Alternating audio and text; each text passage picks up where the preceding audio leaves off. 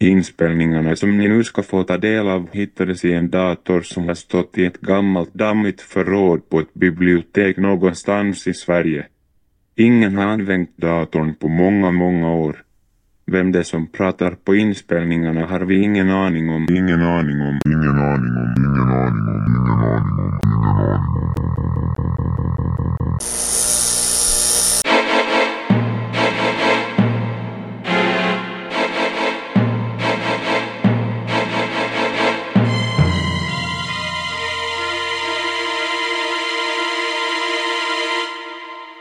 Fantastiskt härligt att eh, prata med er igen, eh, mina vänner.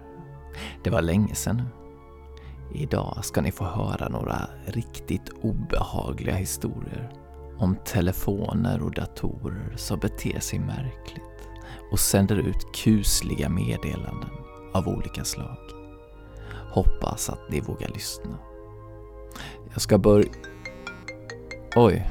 Eh, ett ögonblick. Eh, Eh, ja, hallå. Vad vill du min vän?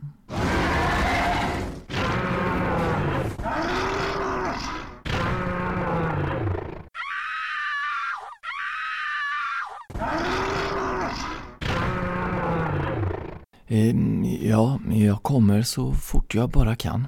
Eh, eh, adjö.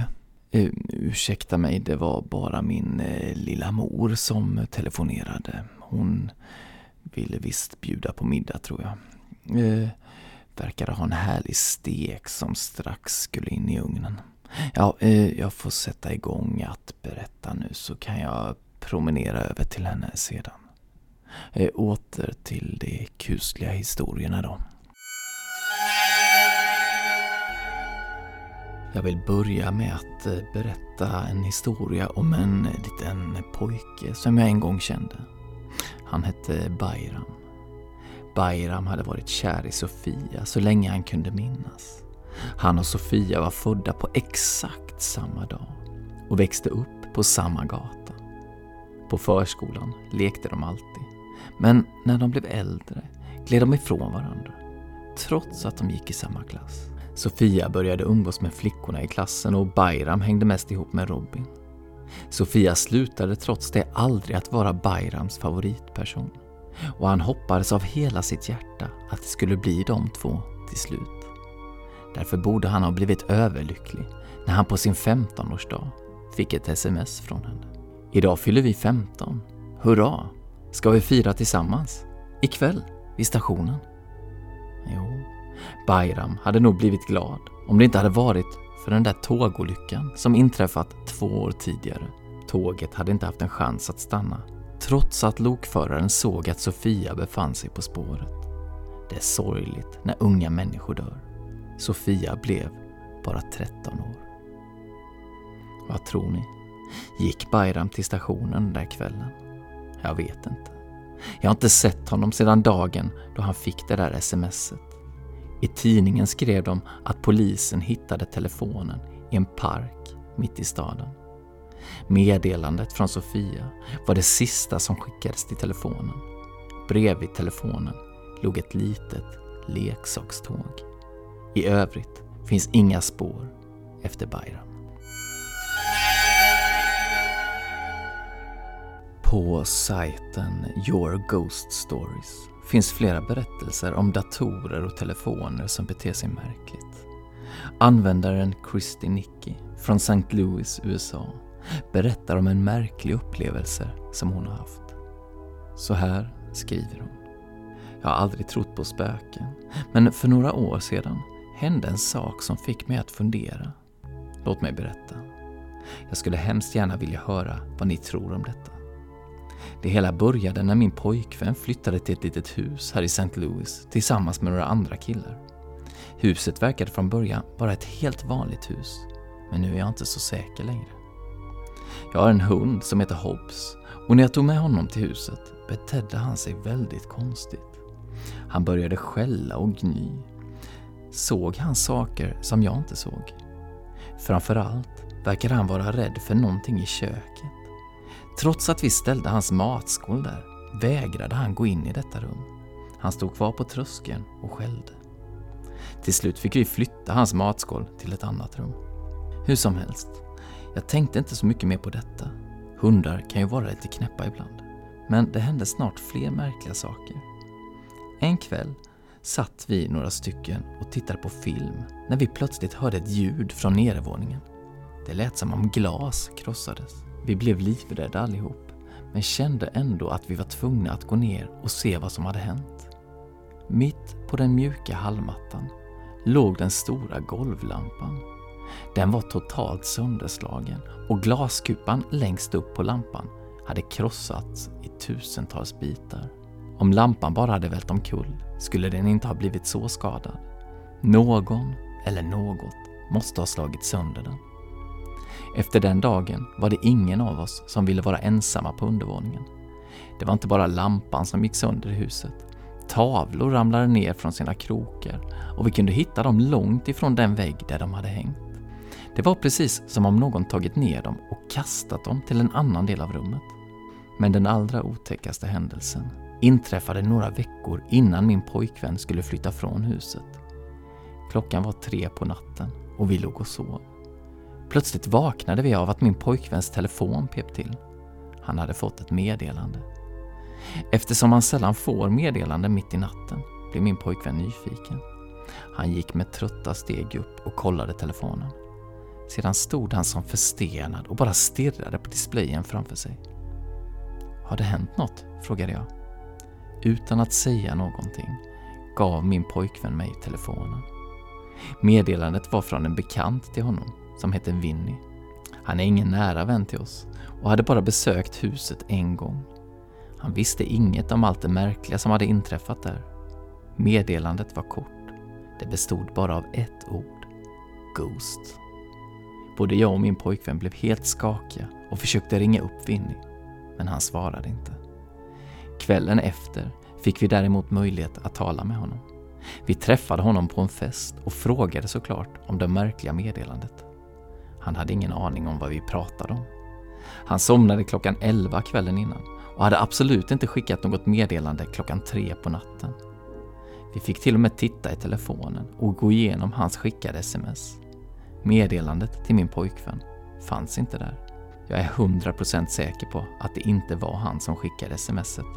Frågan är då vem som gjorde det. Eller vad. För jag tror att det var ett spöke.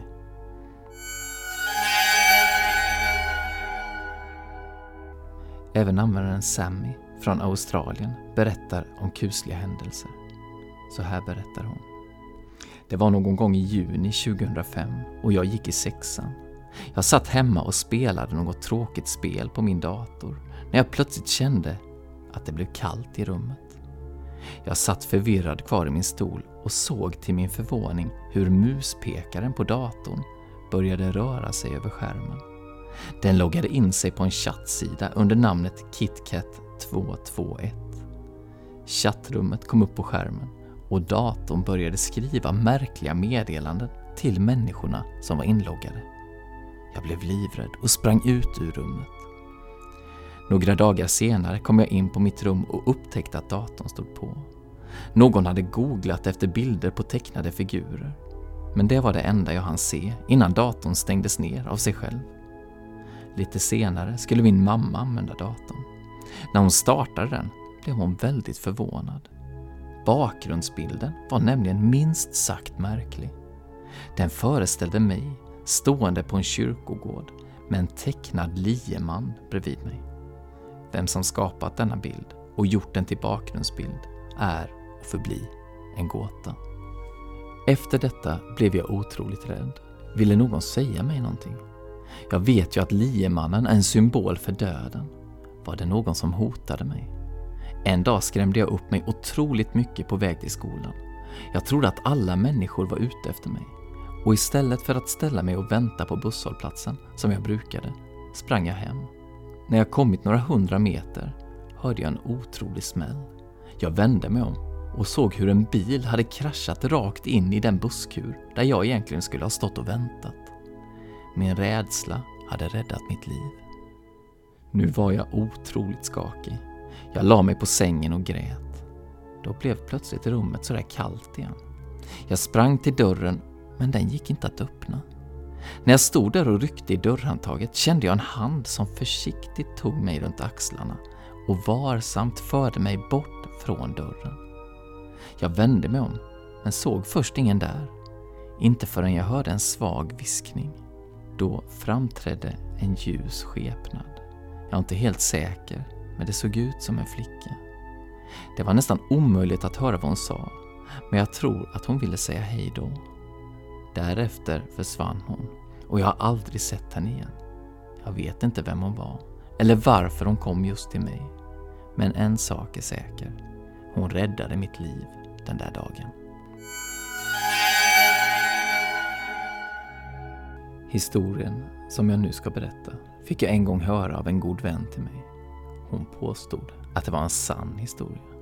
Ni får tro vad ni vill. Johan kände en enorm frihetskänsla när han vinkade av sina föräldrar på fredags eftermiddagen. Det liksom bubblade i hela kroppen när bilen backade ut från parkeringen. Nu skulle han kunna göra precis vad han ville, ända fram till söndagskvällen. Hans föräldrar skulle vara i sommarstugan över helgen och Johan slapp för första gången följa med. Det hade krävts en hel del övertalning, men till slut hade mamma och pappa gett med sig. De bodde i ett tryggt villaområde och Johan var en väldigt skötsam 15-åring. Så vad skulle kunna hända liksom? Johan hade inga stora planer för kvällen. Men pizza, massor av dataspelande och chips skulle det bli. Det var en sak som var säker. Tre matcher Fifa blev det innan han började känna sig hungrig. Han ringde och beställde pizza. Sedan krängde han på sig ytterkläderna och gav sig ut i den småkyliga augustikvällen. Pizzerian låg tre kvarter bort, vilket innebar en kvarts promenad ungefär. Det var tydligen nästan bara Johan som var pizzasugen denna kväll. Förutom honom var det bara en smått förvirrad äldre dam på pizzerian. Hon försökte förklara för killen i kassan exakt hur dålig i magen hon blev om han skulle råka lägga lök på hennes pizza. Oj, oj, oj. Du skulle bara veta, sa hon. Jag skulle inte kunna lämna toaletten förrän imorgon kväll. Kan du tänka dig, va? Men vitlök går bra. Vitlök får du gärna lägga på. Plötsligt vände hon huvudet mot fönstret och fick genast något plågat i blicken. Så han är tillbaka. Gud välsigne oss. Gud välsigne oss, stönar hon. Även Johan tittade ut genom fönstret, nyfiken på vad damen tittade på. Först såg han inget anmärkningsvärt alls, men så fastnade blicken på en man som stod i busskuren ett tjugotal meter bort.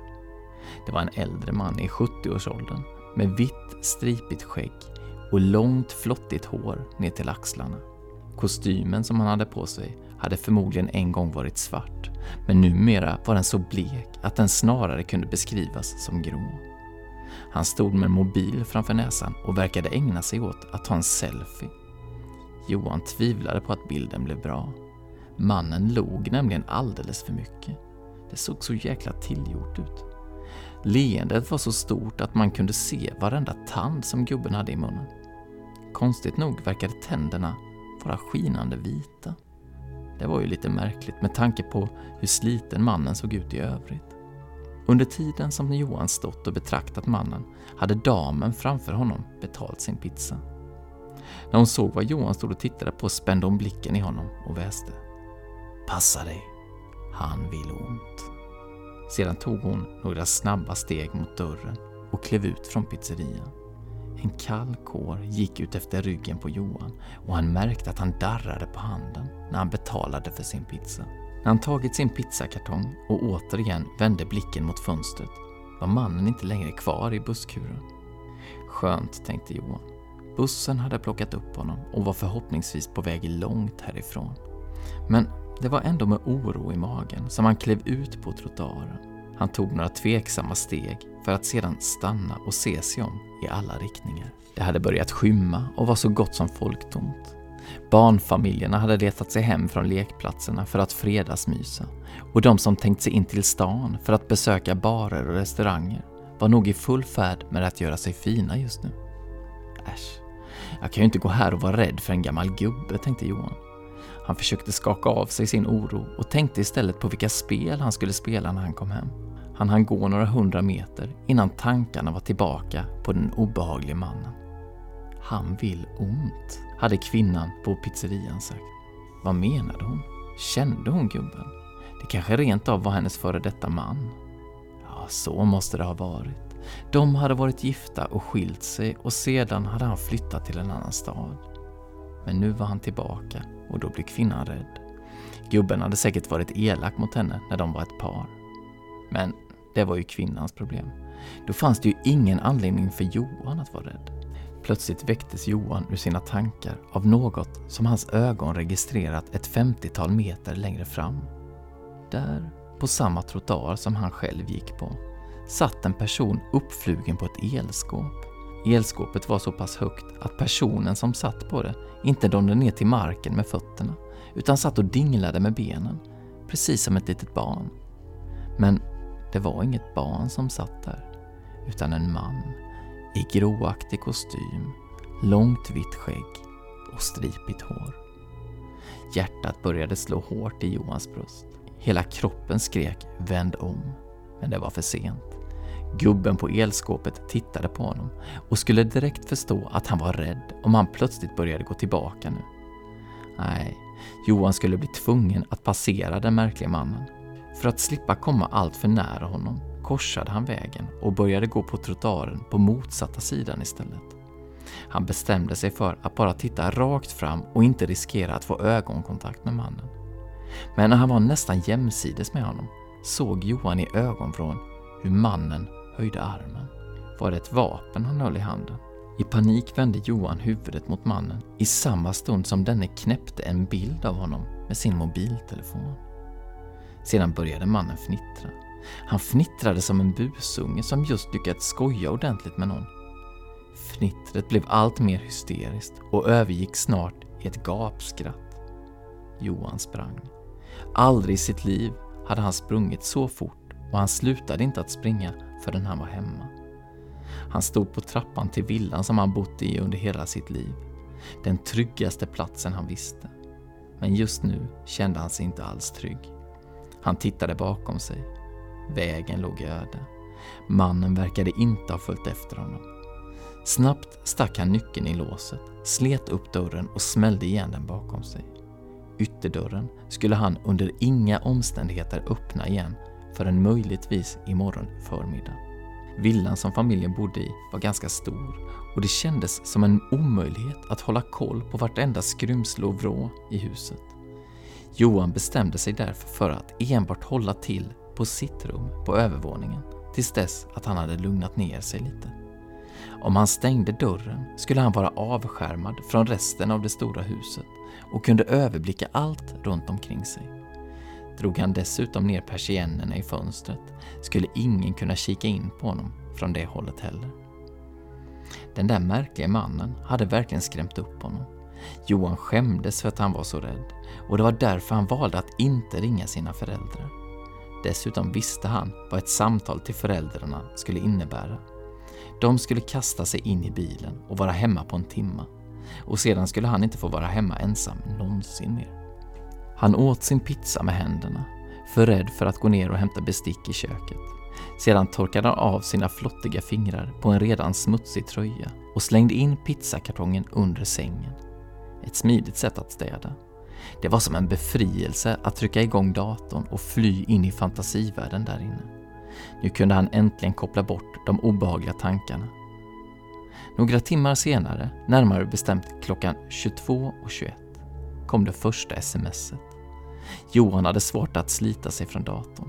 Han plockade förstrött upp mobilen och sneglade på displayen. Han kände inte alls igen numret. Nu blev han nyfiken och pausade spelet. Det stod inget i smset, men en bild var bifogad. Johan kippade efter andan. Bilden föreställde en pojke som såg alldeles livrädd ut. Han stirrade in i kameran med vettskrämd blick. Det var en obehaglig bild och det tog någon sekund innan Johan insåg vem pojken på bilden var. Det var han själv och med ens förstod han också att detta måste vara bilden som mannen på elskåpet tog för några timmar sedan. Hur kunde mannen känna till hans telefonnummer? Och varför ville han skicka ett sms till honom? Det var ju kvinnan på pizzerian som kände mannen, inte han. Det var ju henne mannen borde skicka sms till. Vad vill du mig? skrev Johan. Hans händer skakade när han knappade fram orden.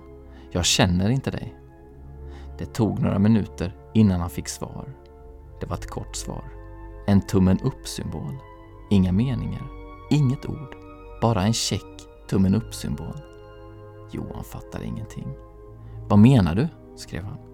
Men på den frågan fick han inget svar. Johan höll på att börja gråta. Vad var det för galning han hade stött på egentligen? Snabbt letade han upp pappas nummer och tryckte på ring upp. Men innan någon signal hann gå fram tryckte han bort samtalet. Vad skulle han säga till pappa egentligen? Att en man som såg ut som jultomten förföljde honom? Föräldrarna skulle ju tro att han inbillade sig. Vad var det vi sa, skulle de säga. Du får allt vänta några år till med att vara ensam hemma över natten. Än är du för liten. Bestämt slängde Johan ifrån sig mobilen. Han hade ingen lust att ge sina föräldrar rätt. Och datorn kunde få honom att glömma sin rädsla igen. För den där mannen kunde ju inte vara farlig på riktigt, eller? Han tryckte igång spelet igen och kopplade återigen bort alla obehagliga tankar. Vid halv ett kom det andra smset. Johan hade vid det här laget börjat känna sig sömnig. Ögonen kändes grusiga. Mobilens signal fick honom att hoppa högt. och med ens var han klarvaken. Denna gång var det inte en bild som dök upp på mobilen, utan en kort film. Filmen visade ett hus med helt mörka fönster. Ingen verkade vara hemma. Men så riktade den som filmade kameran lite uppåt och zoomade in på en svag ljuskälla. Högst upp i huset fanns ett fönster med nerrullade persienner. Men man såg att det lyste i rummet innanför. Små strimmor av ljus sipprade ut mellan springorna. Johan fick svårt att andas. Huset på filmen var hans eget hus och fönstret som blev inzoomat var fönstret till hans rum. Någon måste stå på gatan utanför och filma upp mot honom. Johan kastade sig på lysknappen och genast blev rummet mörkt. För säkerhets skull knäppte han även av datorn. Inte minsta lilla strimma av ljus tänkte han ge personen där utanför. På ben som nästan vek sig tog sig sedan Johan fram till sin säng. Han drog täcket upp till hakan och satt sedan alldeles stilla och lyssnade efter ljud. Ingenting hördes. Han satt där i tio minuter eller så. Sen plockade han återigen fram mobilen. Nu måste han ringa pappa. Signalerna gick fram, men ingen svarade. Såklart inte. Klockan var mycket och föräldrarna hade säkert sovit länge redan. För en sekund övervägde Johan att ringa polisen, men det var väl ändå överdrivet. Istället ringde han pappas mobil igen och pratade in ett meddelande. Han hörde själv hur ängslig han lät när han sa eh, Snälla pappa, eh, du kan väl ringa så fort du hör detta? När han slutat prata blev allt så där gravlikt tyst igen. Johan satt kvar i sängen och lyssnade så intensivt han bara kunde. Så rädd för att missa något ljud utanför rummet var han, att han knappt vågade röra sig. Inte ens andas. Ibland tyckte han att det knäppte till eller knakade någonstans ifrån och då hoppade han högt. Var det någon inne i huset nu? Befann sig mannen med det vita skägget på bottenvåningen? Det är omöjligt att säga hur länge Johan satt så där i sin säng, lyssnande efter minsta knäppning. Men till slut måste ändå tröttheten ha tagit överhanden. Han somnade och vaknade av att mobilen pep till. Pappa, tänkte han lättad. Det måste vara pappa. Han famlade efter telefonen och tittade ivrigt på skärmen.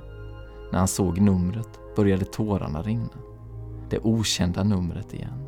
När skulle detta ta slut? Det var med stor tvekan som han tryckte fram meddelandet. Återigen en bild. Men vad föreställde den? Förmodligen var den tagen utan blixt på en mörk plats, för den var väldigt grynig och oskarp. Ett golv och på golvet en låda av något slag. Johan zoomade in. Vad var det för en låda? En pizzakartong. Håren reste sig i nacken på Johan. Så pep telefonen till igen. Var den god? stod det med stora bokstäver. Och ifrån under sängen hördes ett fnittrande som snart övergick i ett gapskratt. Slutligen vill jag läsa en historia om en märklig figur kallad Vandraren utan ansikte. När Jenny var liten hade hennes mamma ett knep. Du får absolut inte städa rummet. Om du städar rummet blir jag galen, sa hon. Då började Jenny städa. Hon plockade upp varenda strumpa. Hon bytte sågspån i botten av buren till sin kanin. När hon var klar stirrade hon trotsigt på sin mamma. Efter några år förstod Jenny att mamma lurat henne. Nu var Jenny 16, men hon hatade fortfarande att bli tillsagd. Det var hennes liv. Ingen annan bestämde över det. Kanske var det därför hon knappt tvekade. Jenny satt framför datorn. Ute var det natt. Alla andra i huset sov när texten plötsligt dök upp på skärmen. Vad du än gör, klicka absolut inte på den här bilden. Hon klickade direkt. Ingen hade rätt att säga åt henne vad hon skulle göra. Det fladdrade till i bröstet. Lite spännande var det. Det dröjde några sekunder innan bilden laddade upp. Skärpan var konig. Jenny fick kisa för att se vad det svartvita fotot föreställde. En gestalt utan ansikte stod på en snöig väg. Benen var långa och osannolikt smala, som på en spindel. Händerna var uppsträckta mot himlen. Han verkade tunt klädd i kylan. Vandraren stod ovanför fotografiet. Det där var ju ingen vidare vandrare, tänkte Jenny. Vandrare har kraftiga kängor, tjocka jackor och ryggsäckar. Och de går knappast mitt i vägen. Vilken idiotisk bild. Hon kände en plötslig värk innanför pannloben. Det hände ibland eh, om hon satt för länge framför datorn. Hennes föräldrar brukade säga Sitt inte framför datorn varenda minut, du måste få lite frisk luft. Jenny svarade med att slå upp fönstret. Här har ni er friska luft. Är ni nöjda nu? Hon skulle just klicka bort fotografiet när det dök upp ett meddelande på skärmen. Jag ser dig. Ser du mig? Jenny vände sig om. Rummet var nästan svart. Allt ljus kom från dataskärmen. Hon anade sängen i hörnet och nattduksbordet med klockan på. Det fanns ingen annan i rummet. Ingen såg henne. Under meddelandet såg hon att det fanns möjlighet att skriva. Ett chattfält. Nej, det gör du inte, svarade Jenny. Punkter rörde sig över skärmen. Någon skrev ett nytt meddelande. Jag ser dig. Ser du mig? Var det någon jäkla papegoja i andra änden? Jenny tog sig om pannan. Det skar i huvudet. Bredvid datorn stod en halvdrucken Fantaflaska. Hon svepte det sista och skrev. Du ser inte mig, men jag ser dig. Och jag tycker att du ska ta och vandra vidare, vandraren, för du ser jävligt löjlig ut. Nu kom svaret efter knappt en sekund. Du ser mig? Jenny suckade och stängde av datorn. När man drömt en mardröm brukar lättnaden infinna sig när man slår upp ögonen. Men för Jenny stannade obehaget kvar efter att hon hade ätit frukost och stuckit till skolan. Kanske var det för att huvudvärken inte hade släppt. Den var värre. Det var som ett litet djur satt in i skallen och försökte gnaga sig ut med vassa tänder. Drömmen hade handlat om bilden.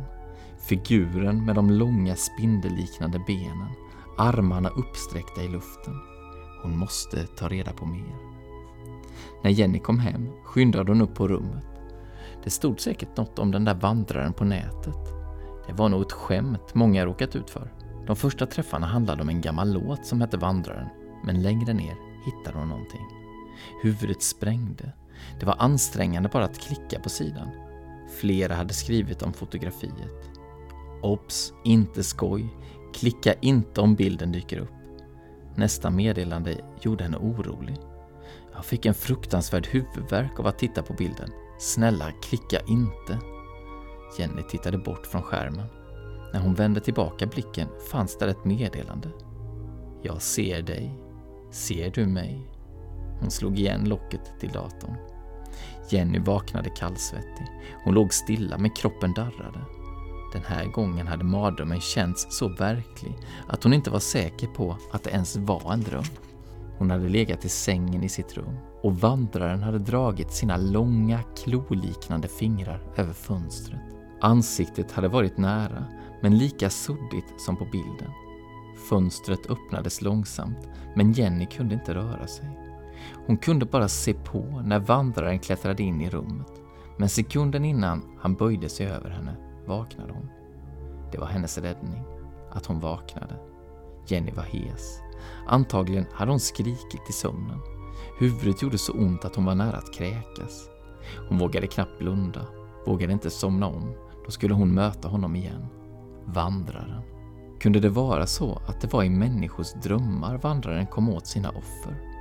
Jenny var svag av sömnbrist. Huvudvärken fanns kvar, men hon märkte den knappt längre. Den gjorde fortfarande ont, men tröttheten var så mycket värre. I två dygn hade hon varit vaken. Dagarna var en dimma. Hon hörde inte vad lärarna sa. Hon märkte knappt när hennes kompis Molly visade en bild i mobilen på ett elpiano som hon tänkte köpa. Jenny bara stirrade framför sig och tänkte på hur underbart det skulle vara att sova.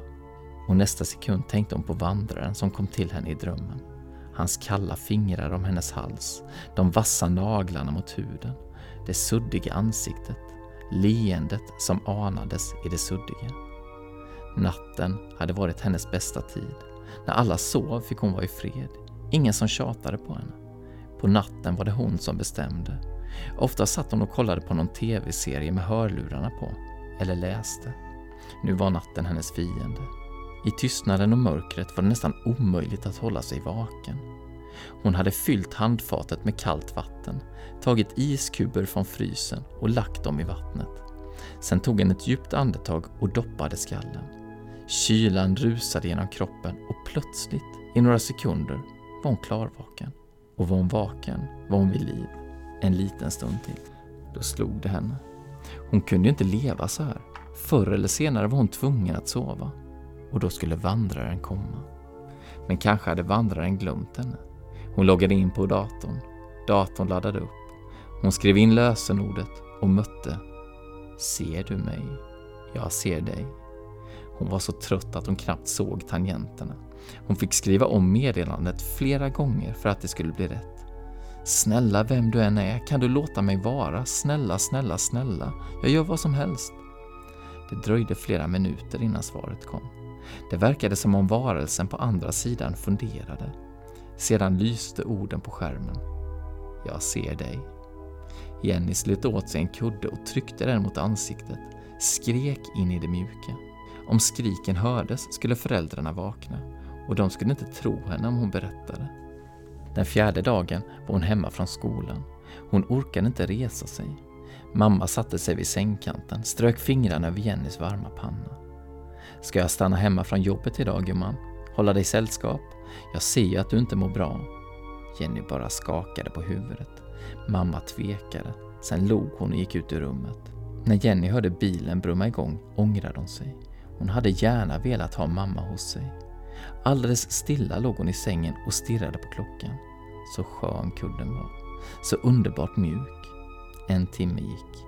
Två timmar. Kanske hade hon redan somnat. Gränsen mellan dröm och vakenhet var upplöst. När han kom var det nästan en lättnad. Hon orkade inte kämpa emot längre. De långa, vassa, kloliknande fingrarna mot glaset. Fönstret som långsamt öppnades. Ansiktet suddigt, som om det vore i upplösning. Vandraren rörde sig långsamt. Om hon bara orkat hade hon rest sig, sprungit därifrån. Men hon låg som förlamad i sängen. Tröttheten höll huvudet fjättrat mot den mjuka kudden. Allt var exakt som i mardrömmen. Vandraren släpade sig fram. Benen så smala att hon inte förstod hur han kunde gå upprätt. När han var riktigt nära hörde hon honom viska. Jag ser dig. Det var allt för den här gången. Hoppas ni kan sova gott ikväll och slipper nattliga besök. Nu ska jag strax vandra vidare. Men till nästa gång. Ondskan finns där ute. Så håll ögonen